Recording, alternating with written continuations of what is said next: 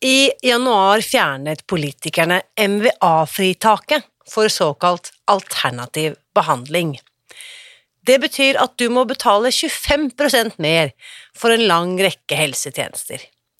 Nå kjemper Anette Løno sammen med tusener av helsearbeidere for å få reversert tiltaket.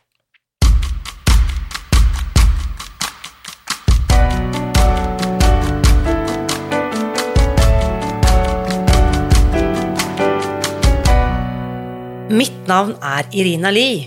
Jeg er journalist og forlegger, gründer og sosial entreprenør. I 2015 spiste jeg meg fri fra overvekt og fedme etter å ha slitt med vekt, kropp og følelser i nesten 30 år. Etter at jeg knakk koden, ga jeg meg selv et nytt oppdrag – å dele denne kunnskapen med alle som trenger det. I denne podkasten kan du derfor høre hele lydboken Spis deg fri, den finner du ved å bla deg tilbake i arkivet og lytte til første sesong. Hver uke inviterer jeg nå gjester som gir deg påfyll til hodet, hjertet og magen. For min visjon er å endre Helse-Norge, og det får jeg ikke til alene. Du bidrar ved å abonnere på podkasten, skrive en omtale i iTunes og tipse meg om hvem jeg burde invitere hit.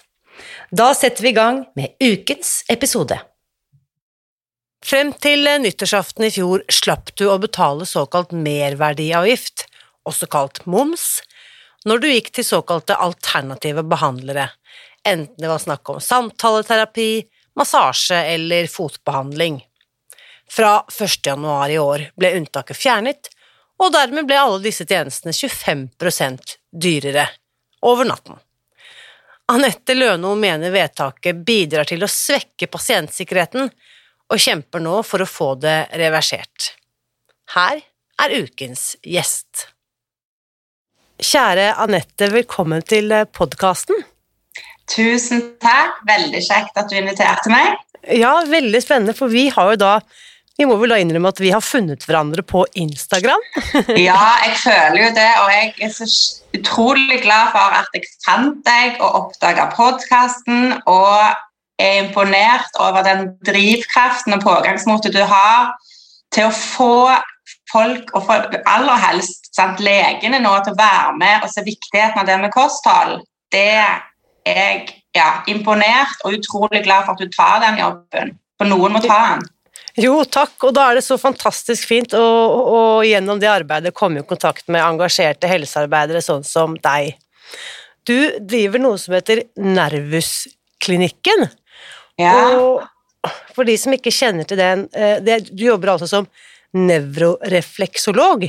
Ja. Det må du fortelle litt mer om. Hva går dette arbeidet ut på? Jeg er utdannet nevrorefleksolog, og det er en manuell behandlingsform som er basert på nervestimuli. Jeg var ferdig utdannet for 15 år siden og har jo da jobbet med dette her de siste 15 årene. Og har tatt forskjellige kurs og utdannelser siden, så jeg har òg medisin grunnfag og kurs og utdannelse i massasjeterapi, lavfrekvent laserterapi, kopping, pek eh, Ja, forskjellig.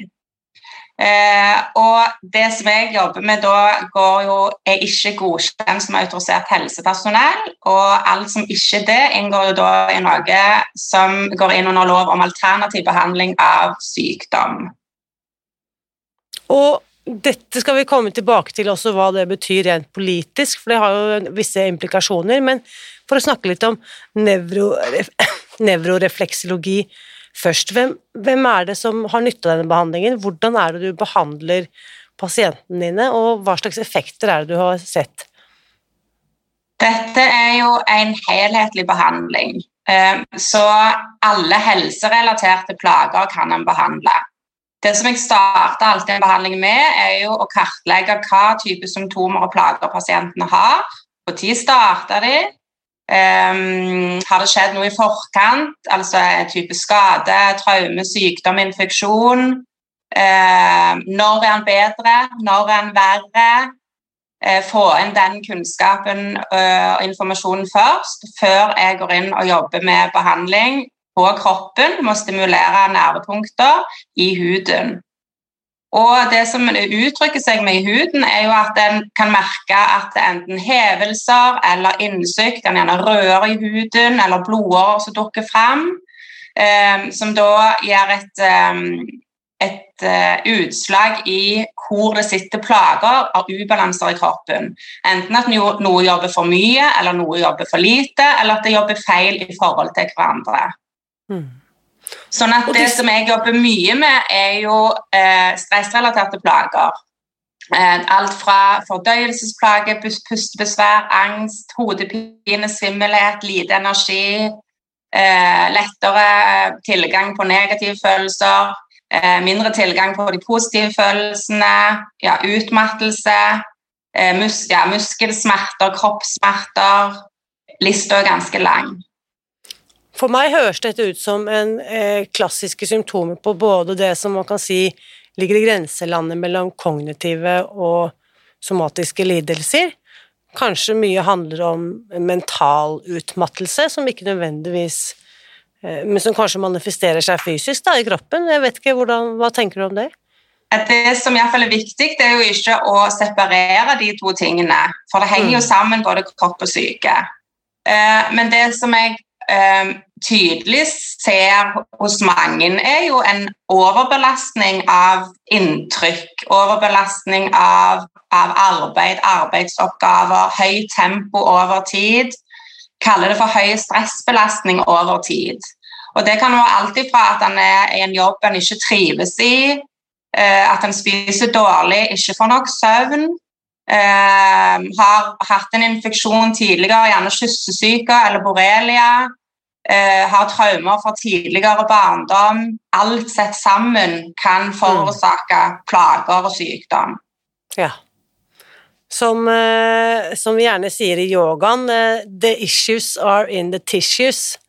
Nettopp. Hvordan ting setter seg i kroppen da, når vi har hatt eh, plager. Mm. Ja, og det er sånn som med, med, mange av de som kommer til meg, de har problemer med å puste. De får ikke pust ned i kroppen. Sånn som du nevner yoga. da, sånn, Så går han på yoga, så sier yogainstruktøren nå må puste ned i magen, men de får det ikke til. For det mm. at ved for høy stressbelastning over tid, så kan diafragma, den store pustemuskelen vår, den kan låse seg og få nedsatt funksjon, som gjør at den ikke får til å puste. Mm. Og Da må man jo jobbe med diafragma, man jobber med stressystemet, jobbe mye med funksjonen til vagusnerven og For mange er dette helt ukjent. og det er litt sånn som sier En prøver og prøver å puste og puste, men en får det ikke til. Mm. Og da, uh, Det er gode tips, men av og til må en ha behandling rett og slett for å få hjelp til å, å få det til. yes. Uh, for å vite hvordan uh, hva jeg gjør feil, rett og slett. Det er ikke så alltid lett å finne ut av det selv. Um, det er ikke alltid han gjør noe feil, han gjør så godt han kan, men kroppen har låst seg, gjerne pga. han har vært i en bilulykke som gjør at kroppen mm. har gått inn i en kampflukt- og alarmberedskap. Mm. Uh, så det, kan, ja, det er så mange faktorer som spiller inn på hvordan vi skal ha god helse og ha god livsverdi. Mm. Og øh, har du noen eksempler på pasienter som har kommet til deg med ulike plager, og hva slags øh, hva slags resultater de har fått? Ja, og det er jo det som er så kjekt. For at vi jobber med dette her i 15 år. Og min store drivkraft i arbeidet er jo det å kunne bidra til at folk får bedre helse. Og det var litt sånn når jeg var ferdig utdannet, så var det sånn Ok, jeg vet jo ikke helt om jeg får dette til, men jeg må gi det en sjanse. Og hvis dette funker, så er det dette jeg har lyst til å jobbe med. Og 15 år etterpå så er jeg jo her ennå. Eh, og det som jeg erfarer, er jo at mange sier at eh, en får sove bedre, en våkner mer opplagt, eh, går eh, regelmessig på do, har mindre smerter, eh, føler seg gladere. Jeg har jo noen som kommer og sier hva som gjør deg glad? Nei, ingenting. De klarer ikke å komme på en én ting som gjør at de føler glede. Eh, og da kunne du bidra til at når de kommer neste gang og sier vet du hva, i går lo jeg for første gang på mange år, jeg kjente det helt ned i magen. Ja, bare jeg sier det nå, så får jeg ståpels med hele kroppen. Mm. Mm. Og det som en utfordring eh, som nevrorefleksolog, er jo at det ikke er noe forskning som dokumenterer effekt. Men jeg erfarer jo daglig at folk får hjelp med behandlingen. Mm. Uh, og jo, jeg kan jo påstå at uh, ja, 19 og 20 opplever en eller annen form for helseeffekt av den behandlingen jeg gjør. Um, så det er jo en av de utfordringene for å bli mer anerkjent som terapeut, er jo at det mangler eh, dokumentasjon. Samtidig er det jo vanskelig for en del som er med, med forskning, er jo det at du må ha blindstudier, og du skal dobbeltsitte altså det, det, er mange krav som ikke vil være, eh, eh, fungere for det at hver en behandling er individuelt tilpassa. Mm. Så det som gjør deg noen vond nakke, f.eks., det betyr ikke at naboen din har samme årsak til den vonde nakken. Eh, mm. For det kan være et skjevt bekken, eller det kan være for mye stress på jobb, eller en kan være i et dårlig forhold, eller at han faktisk spiser mat som gjør at eh, musklene spenner seg, og han har type eh, ja, kroppssmerter som, eh, eller biter for mye i seg, så det setter seg som skjedespenninger. Det kan være så mange årsaker. Mm, nettopp. Så En kan ikke gi lik behandling til alle, og det er det som er så kjekt med å jobbe med dette. her, for Det er jo et detektivt arbeid. Hver noen kommer til behandling hos meg, så er det sånn Hva er det? Og det er det som gjør at jeg liker så godt dette her. for det er denne nysgjerrigheten å finne ut hva som starta, hvorfor kommer disse plagene, hva var i forkant, hva gjør du? Ok, Du beveger deg sånn, det gjør at du får vondt i ryggen, men når du ikke gjør det, så har du ikke vondt i ryggen. Ok, Kanskje det er en skjev fotstilling, eller det er en innoverrotert eh, eh, hofte. Eller hva er det som gjør at skuldrene heiser seg fordi at du går i frykt, eh, osv., osv. Mm. Og ve veldig mye av dette formidler du på en engasjerende måte på på Instagrammen din, som jeg bare da må få lov til å fremsnakke, er, der heter det altså Nervusklinikken. Ja, takk. For, det som har vært min tanke med den, er at hvis jeg kan dele enkle råd som noen har nytte av, og gi en forklaring på hvorfor de skal gjøre en endring For hvis ikke vi skjønner eh, En kan gjerne si at du må drikke vann, for det er viktig. Det har vi hørt mer, mange, mange nok ganger. Men hvis jeg forklarer alle funksjonene i kroppen som trenger væske for å kunne fungere, så vil de aller fleste mennesker huske på at selvfølgelig nå, nå føler jeg meg litt susete eller dårlig konsentrasjon, og jeg har ikke drukket nok væske i dag, jeg må få gi meg mer vann, som et eksempel. Mm. Så det som har vært mitt mål, er å kunne formidle eh, enkle råd og med god kunnskap på hvorfor en skal gjøre disse, her, disse tingene. Mm. Ikke bare komme med rådene, men faktisk gi, gi meg forklaringen på hvorfor også jeg burde gjøre det. Mm. Ja, for da er det enklere å gjøre det, for vi er, intellektuelle mennesker. Sånn at, eh, men vi må ofte få det litt sånn invitasje for å faktisk gjøre endringer. For mange yes. kommer til meg, og så har de plager, og så sier jeg 'hvor lenge sover du om natten', da? Nei, fem timer, har ikke tid til å sove mer. Da må jeg forklare hvorfor vi må sove. Ja. Sant? Det er altfor få timer til at kroppen skal gjøre alle sine funksjoner mens vi er i søvn, så er ekstremt mm. viktig for at vi skal ha god helse og ha det godt i våken tilstand. Som eksempel. Det var som, en, det var som en sa, at hvis du sover fem timer og går på jobb, så er det som å komme på, på arbeidsplassen med promille. Altså, ja, for noen så er det jo så gale. Mm. Så det er greit å få nok søvn. Og så eh, det var én ting jeg bare ble veldig nysgjerrig på. Du sa også at du hadde utdannelse innen PEK. PEK? PEK ja. Hva er det for noe? Det er en behandlingsform som går ut på å trykke på ryggsøylen og ryggsegmentene og tilhørende nervebaner. Så vi har jo hele ryggsøylen, og med armlengdemåling og pustesekvens så kan en avdekke om det er en skjevhet i ryggsøylen, så f.eks. ved prolaps eller, eller whiplash, men òg organene som tilhører hver, hvert enkelt ryggsegment.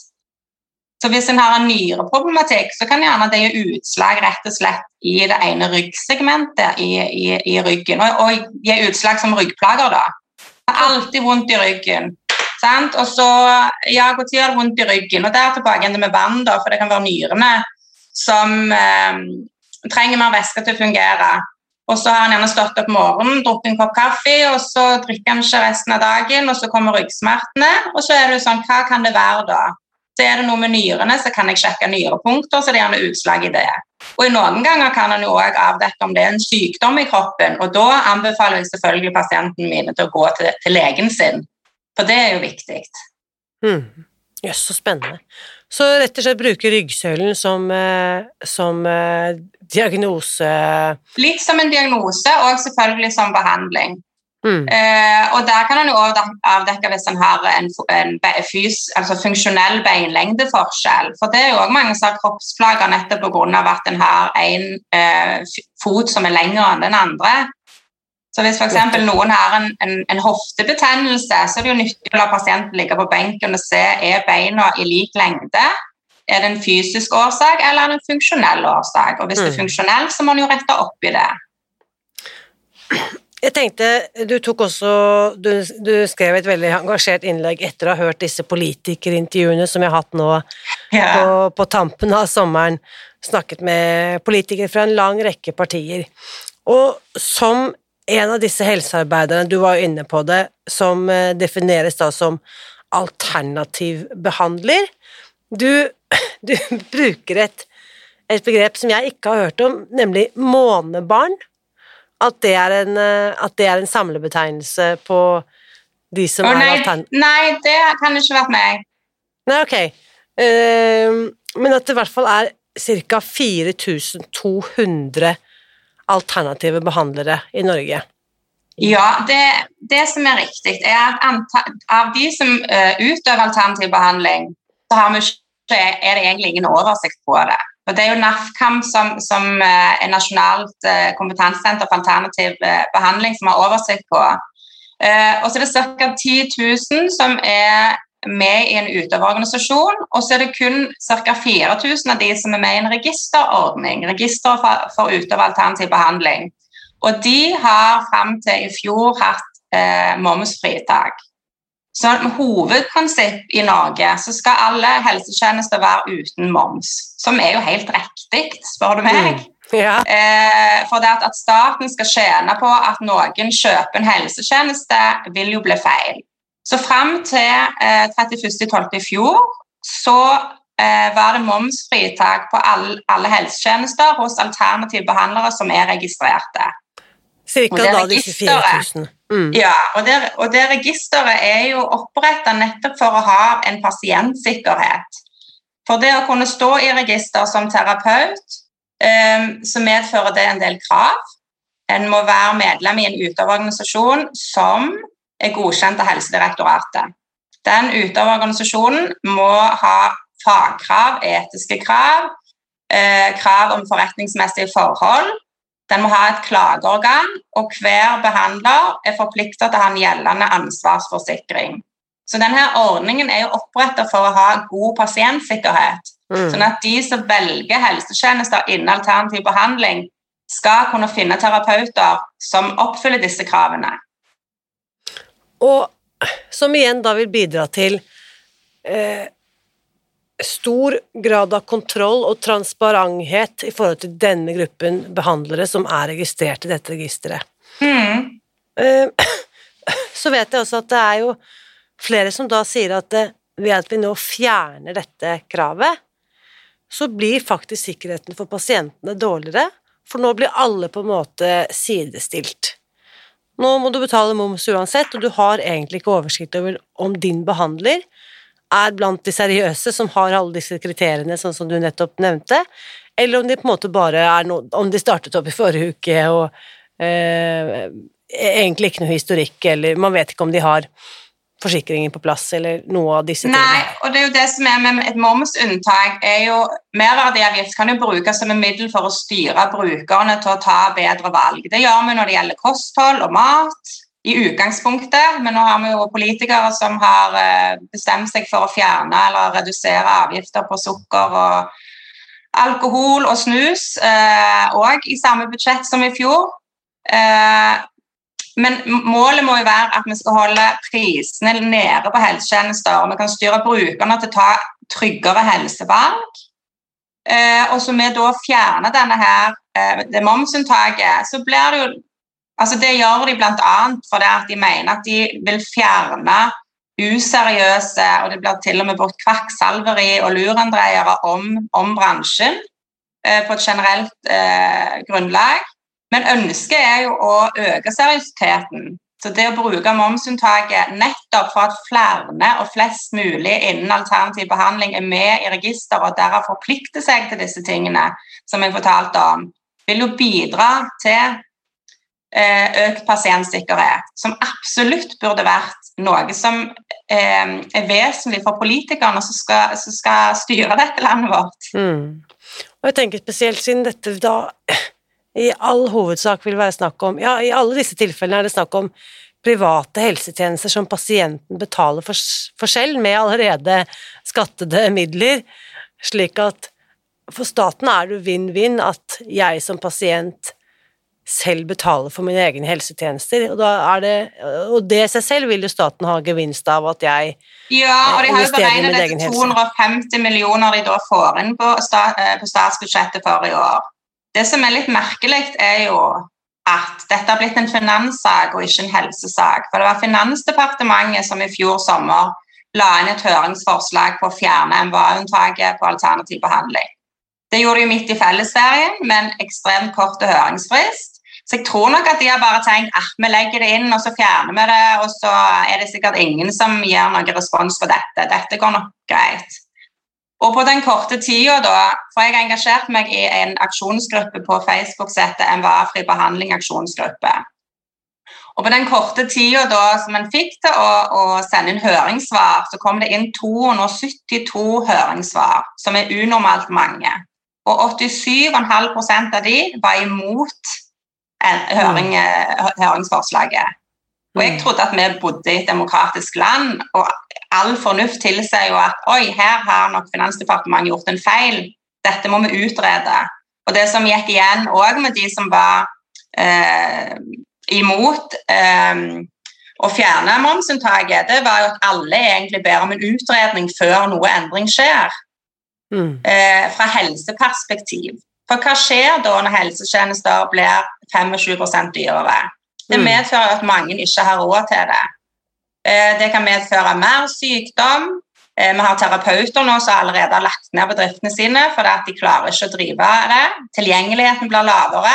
Vi får lavere pasientsikkerhet. Konsekvensen er veldig mange. Og ingenting av dette er tatt med utenom at det er et argument på at de vil ha inn 250 millioner kroner til statsbudsjettet. Mm. Og det er på, på bekostning av folkehelsen. Og kanskje spesielt og i disse tider hvor behovet nå for helsehjelp er sannsynligvis større enn eh, tidligere, med tanke på at eh, vi har vært nedstengt i halvannet år. Folk har pådratt seg en god del helseplager som ikke nødvendigvis krever sykehusinnleggelse eller eh, medikamentell behandling, men som vil, at veldig mange vil ha svært god hjelp av det som kalles alternativ behandling. Ja, og og sier du jo bli, mm. Der sier du noe viktig, for det mange av de som kommer til behandling til alternative terapeuter, de har jo vært hos legen allerede. Så kommer de med plager og sier jeg har vondt her og der, og jeg er sliten og jeg, jeg føler meg ikke frisk. Og så tar de masse prøver, og alle prøvene er fine. Og det er jo helt topp, og man skal jo gå inn og sjekke. Men hva gjør han videre da? Nei, Da er det gjerne en sykemelding. Men det som er bra, er jo at veldig mange nordmenn ønsker å gjøre noe med det, og derfor søker hjelp videre. Mm. Sånn at det er helt klart at Alternativ behandling dekker jo òg eh, helsetjenester som ikke finnes i det offentlige. Eh, det har en annen tilnærming til helse eh, som regel. Og òg det at f.eks. innen, innen eh, det psykiske elementet, da, så er det mange som eh, hen, blir henvist til en psykolog, men en får ikke hjelp For det er for uh, høy kapasitet og det er for presset. Det er for lange ventelister. Mm. Og for mange er det kritisk å vente et halvt år for å komme til en psykolog. Da vil han heller gå til en psykoterapeut som har en god utdannelse, som ikke er en del av det offentlige. Men nå da med 25% prispåslag så bidrar jo dette at veldig mange ikke har råd til det. Og det som det går mest utover, er jo studenter, lavtlønne, uføretrygdede, sykemeldte, eh, kronisk syke som trenger jevnlig behandling. Et eksempel er ei som har hatt, eh, hatt, slag og trenger massasje eh, helst to ganger i uka for å klare oppegående og ha en, ha en progresjon. Hun får ikke massasje i det offentlige helsevesenet og må gå privat. Men nå er det så dyrt at hun ikke har råd til å gå til behandling så ofte som hun trenger for å kunne ha et godt liv. da.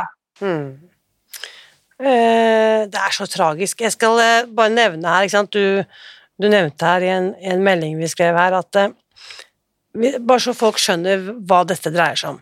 Terapi, terapiformer som uh, dette gjelder, er da psykoterapi, ernæringsterapi, gestaltterapi, rosenterapi, nevrorefleksologi, massasjeterapi, biopati, naturopati, kinesiologi osv. Så, så og kort oppsummert medikamentfri, helsefremmende og helsebevarende helsehjelp. Det er det nå som myndighetene har eh, ilagt 25% MVA på. Ja, det er det jo. Og det som eh, avdekker når NAFKAM har hatt brukerundersøkelse, er jo tall fra f.eks. 2018 at over 620 000 nordmenn erfarer helseeffekt med alternativ behandling. Det er et høyt antall av den voksne befolkningen da. Og det som eh, forundrer meg, Hadde jeg vært helseminister jobbet som politiker, og jeg ser så høye tall på at helsetjenester som folk betaler full pris på for egen hånd, det belaster ikke noe. Det avlaster helsevesenet. Eh, og da heller, det å stikke kjepper i hjulene og prøve å, å, gjøre det mindre tilgjengelig og dyrere, istedenfor å se på den gullgruva det faktisk er. Og mm. målet må jo være at eh, vi må satse på, på helsebevarende, helseforebyggende tjenester. Mm. nå er vi Jeg husker ikke hva som sto i avisa i helga, men enormt høye tall på uføretrygde og syke i Norge. I det landet i verden som blir betegnet som at vi har det aller beste helsesystemet. Og det mm. offentlige helsevesenet er jo veldig bra på mange måter, men at det trengs å endre fokus på at vi må prøve å holde befolkningen friske for der har jeg et eksempel. Jeg har pasienter som går til fastlegen sin, og så får de beskjed om alle prøver er fine. Og så fortsetter de, og så neste gang de kommer tilbake um, og sånn, så, ja, så du er opptatt av det med, med, med, med spis deg fri og med vekt, sant? så kan du gjerne se at pasienten foran deg har en overvekt, men de gjør ingen tiltak før du kommer tilbake neste gang og har blodtrykksproblemer og har fått diabetes. Og så må du inn og medisin, uh, bli medisinert istedenfor at en kan si vet du hva, her ser jeg at det er, er noe uh, du er i fare for. Her må vi inn og hjelpe med kosthold. Mm. Hvordan har du det? Hvordan lever du? Det er òg å mm. avdekke når spiser du, og hvorfor spiser du uh, for mye. Um, for det er jo litt det der din podkast har gått ut på òg, at det der å ja, han legen som du hadde besøk av, så jeg bare halleluja på at han sa at legene sitter på sin database, og så sitter pasienten på sin. Og hvis mm. en da spiser for å, å døyve en følelse, så må en jo gå inn og finne ut av hvordan kan jeg hjelpe denne pasienten med de følelsene. Mm. Og, og, eh, og, og, ikke vente på at folk blir syke. Og jeg tror veldig mye av det handler om at uh, helse Altså de som er behandlere, enten de nå er skolemedisinere eller alternative behandlere, er å tørre å ta opp de samtalene som kanskje kan være litt ubehagelige, da. Og være den som uh, skaper det rommet, at her kan vi snakke om alt, og skape den tryggheten. ja, og på mange måter i dag så må du være ganske Du må veldig, egentlig være veldig frisk og oppegående for å være syk i Norge, på mange Absolutt. måter. Ja, godt poeng. Mm. Uh, og de aller Altså, alle har lyst til å være friske. Alle har lyst til å være oppegående, ha det fint, være på jobb. Det er hovedmålet for alle. Eh, men når det da skjer at folk blir syke, hvordan kan vi hjelpe dem best mulig? Mm. Og det er jo det som er kjekt med min behandling, altså med min jobb òg, er jo det der at okay, en, en, har gjerne en sykdom, men hvordan skal vi gjøre at de smertene kan være lavest mulig da, hvis vi ikke klarer å gjøre dem helt friske? Mm. Og Der er det òg mye verdi i det å kunne ha bedre livsverdi. Å kunne fungere sammen med familie og med venner og ha det fint sosialt og oppleve glede i livet. Eh, et annet tall jeg hang meg opp i her, at eh, opp mot én million nordmenn bruker alternativ behandling jevnlig. Ja. Nesten så jeg lurer på Burde det i det hele tatt kalles alternativ behandling? Det er jo så utbredt. Mm. Ja, og jeg er jo enig, og jeg har gjort et forsøk på å finne ut av hvorfor har de brukt det begrepet. Men det er når de skulle finne ut av å lage den loven Tidligere var det lov om kvakksalveriloven som var gjeldende. Og når den forsvant, så var det hva skal vi kalle eh, lov om og det, det som de endte opp med, var at alternativet var et begrep som mange allerede brukte. Det ble brukt i, på engelsk og resten av verden. Sånn at um, alternativ har egentlig ikke blitt valgt som å å gjøre noe mer fjernt eller mer eh, eh, uprofesjonelt eller useriøst enn noe annet. Men det som er blitt utfordringen, er jo at det veldig ofte i det offentlige blir omtalt som at å ja, han er jo alternativ, eller alternativ eh, behandlere er bare lurendreiere. Så i det norske språket så har det fått en litt sånn ja, negativ bismak med seg da.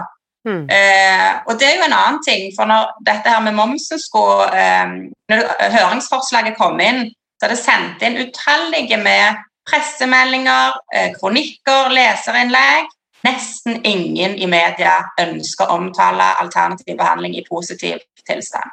Mm. Og der òg er det noe helt uforståelig, for det er altså ingen vil røre det engang.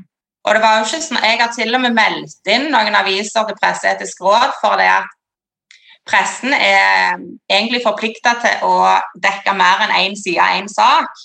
Ja, eh, men det har de jo ikke blitt gjort.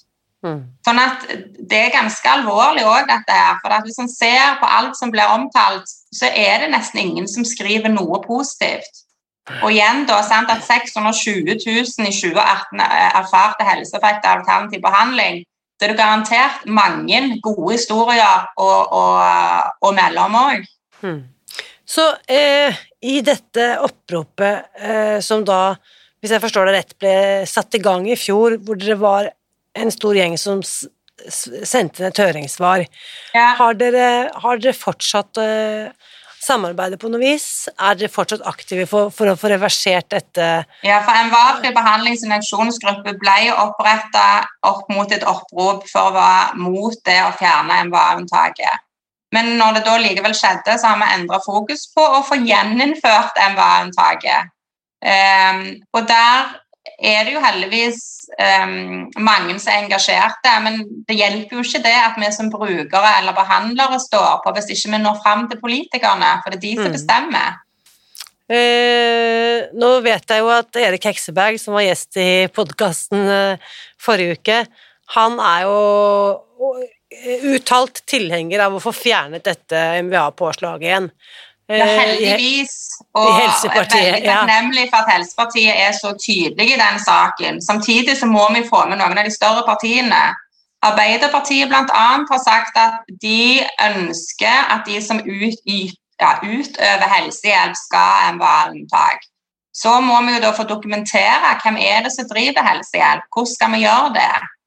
Um, og det òg som var litt eh, i den prosessen med når momsen ble momsentaket ble fjerna, var jo at Arbeiderpartiet de la inn et eh, representantforslag på at de som yter helsehjelp, skulle få eh, momsunntak.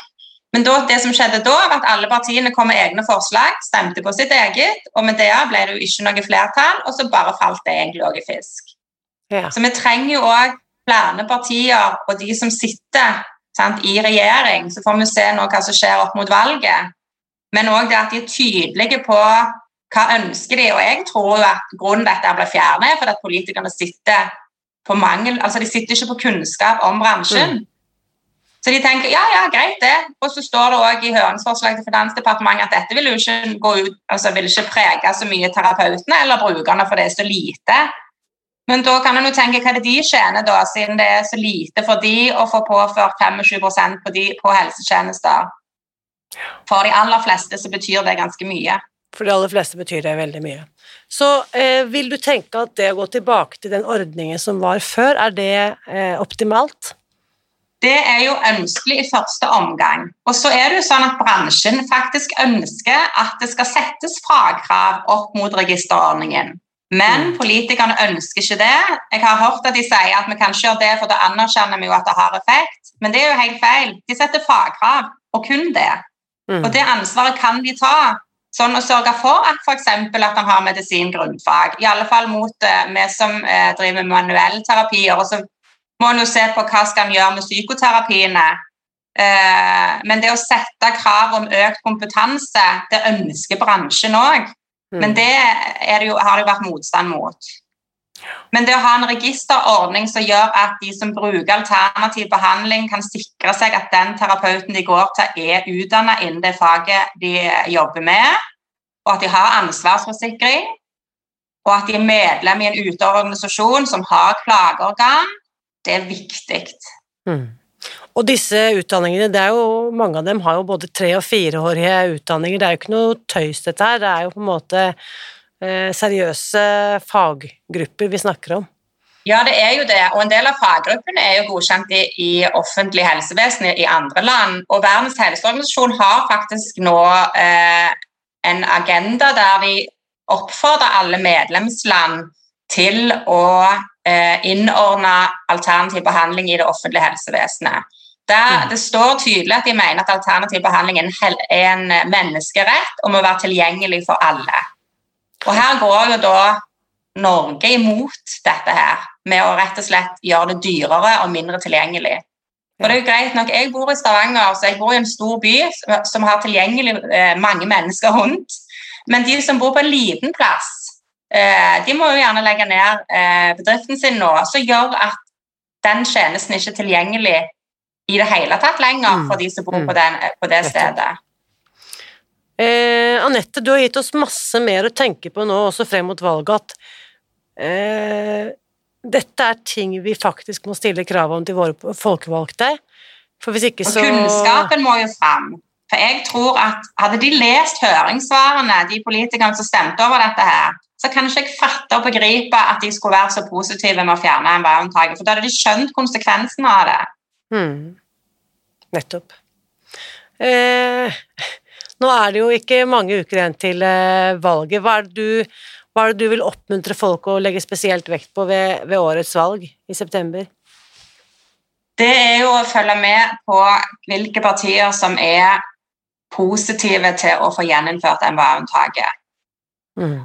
Og det som er viktig, er jo at en snakker snakke med politikerne. Gå i dialog og fortell hvorfor dette er viktig for deg. Enten om du er terapeut eller om du bruker alternativ behandling.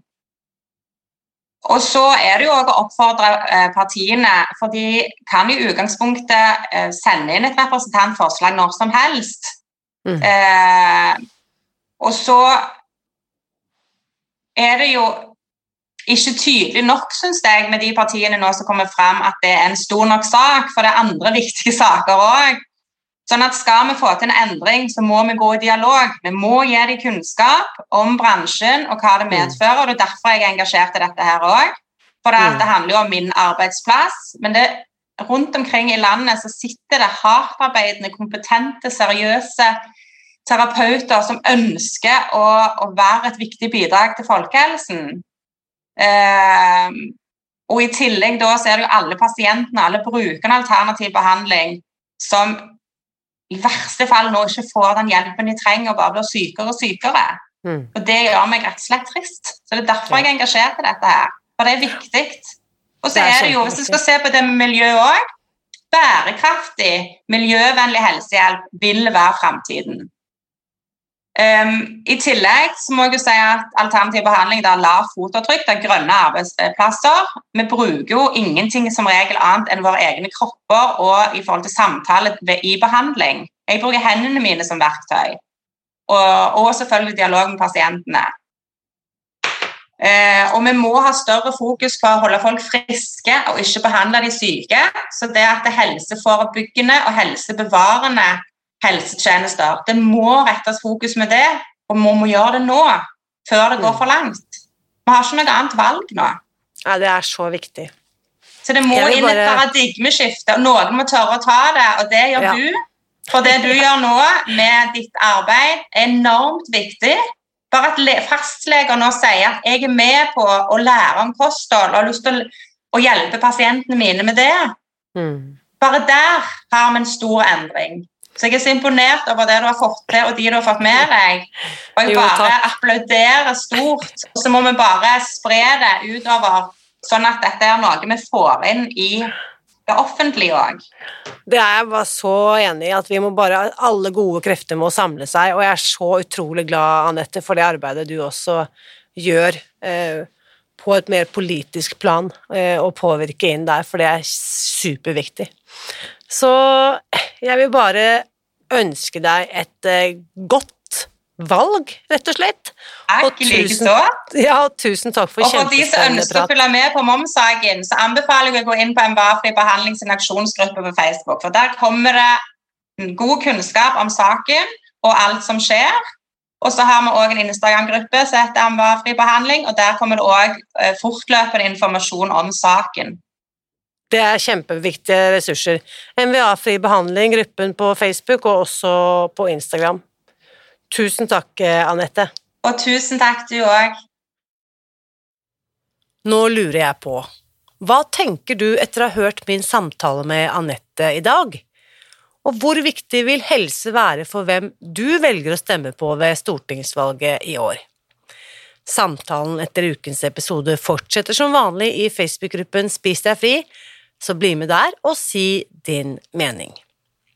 Apropos helse, jeg vil igjen minne deg på at det nå bare er noen få dager igjen til vi arrangerer vårt fagseminar om overvekt og fedme for fastleger og helsepersonell. Hvis du er en engasjert helsearbeider som ønsker å lære mer om hvilke verktøy vi har for å hjelpe pasienter med overvekt, eller kjenner noen som kan være interessert, så finner du påmeldingen på våre nettsider www.spisdegfri.no symposium. Her har vi altså invitert noen av landets fremste eksperter på feltet. I tillegg så kommer Susan Pierce Thompson fra USA for å dele noen av de nyeste forskningsresultatene fra Bright Line Eating. Og dette seminaret det finner altså sted nå på onsdag, 1. september fra klokken 15, og dette er et heldigitalt symposium som retter seg mot deg som er fastlege, eller jobber med pasienter med overvekt og fedme. Du finner mer info og link til påmeldingen på våre nettsider www.spisdegfri.no symposium. Og husk, uansett hva du velger å gjøre for å ta vare på din helse, så vit at jeg heier på deg. Alltid.